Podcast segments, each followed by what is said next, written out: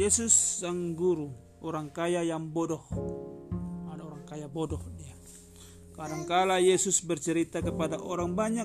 Suatu hari ia menceritakan kisah berikut kepada mereka.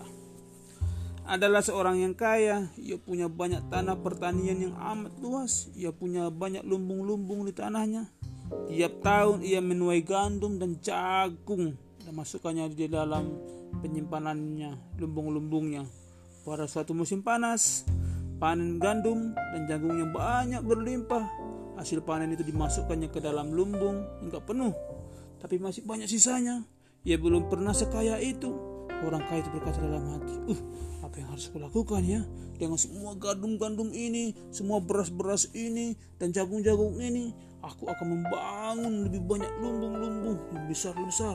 Lalu aku dapat masukkannya semua gandum-gandum dan barang-barangku ke dalam lumbung-lumbung itu, dan aku akan menyimpannya." Apa apa penyimpanan tempat penyimpanan makanan. Gendong gendong. Orang kaya itu berpikir alangkah senangnya memiliki banyak harta. Katanya dalam hati, ketika semua lumbungku ini penuh, aku akan bahagia, dibilangnya. Wah, aku tidak perlu bekerja lagi.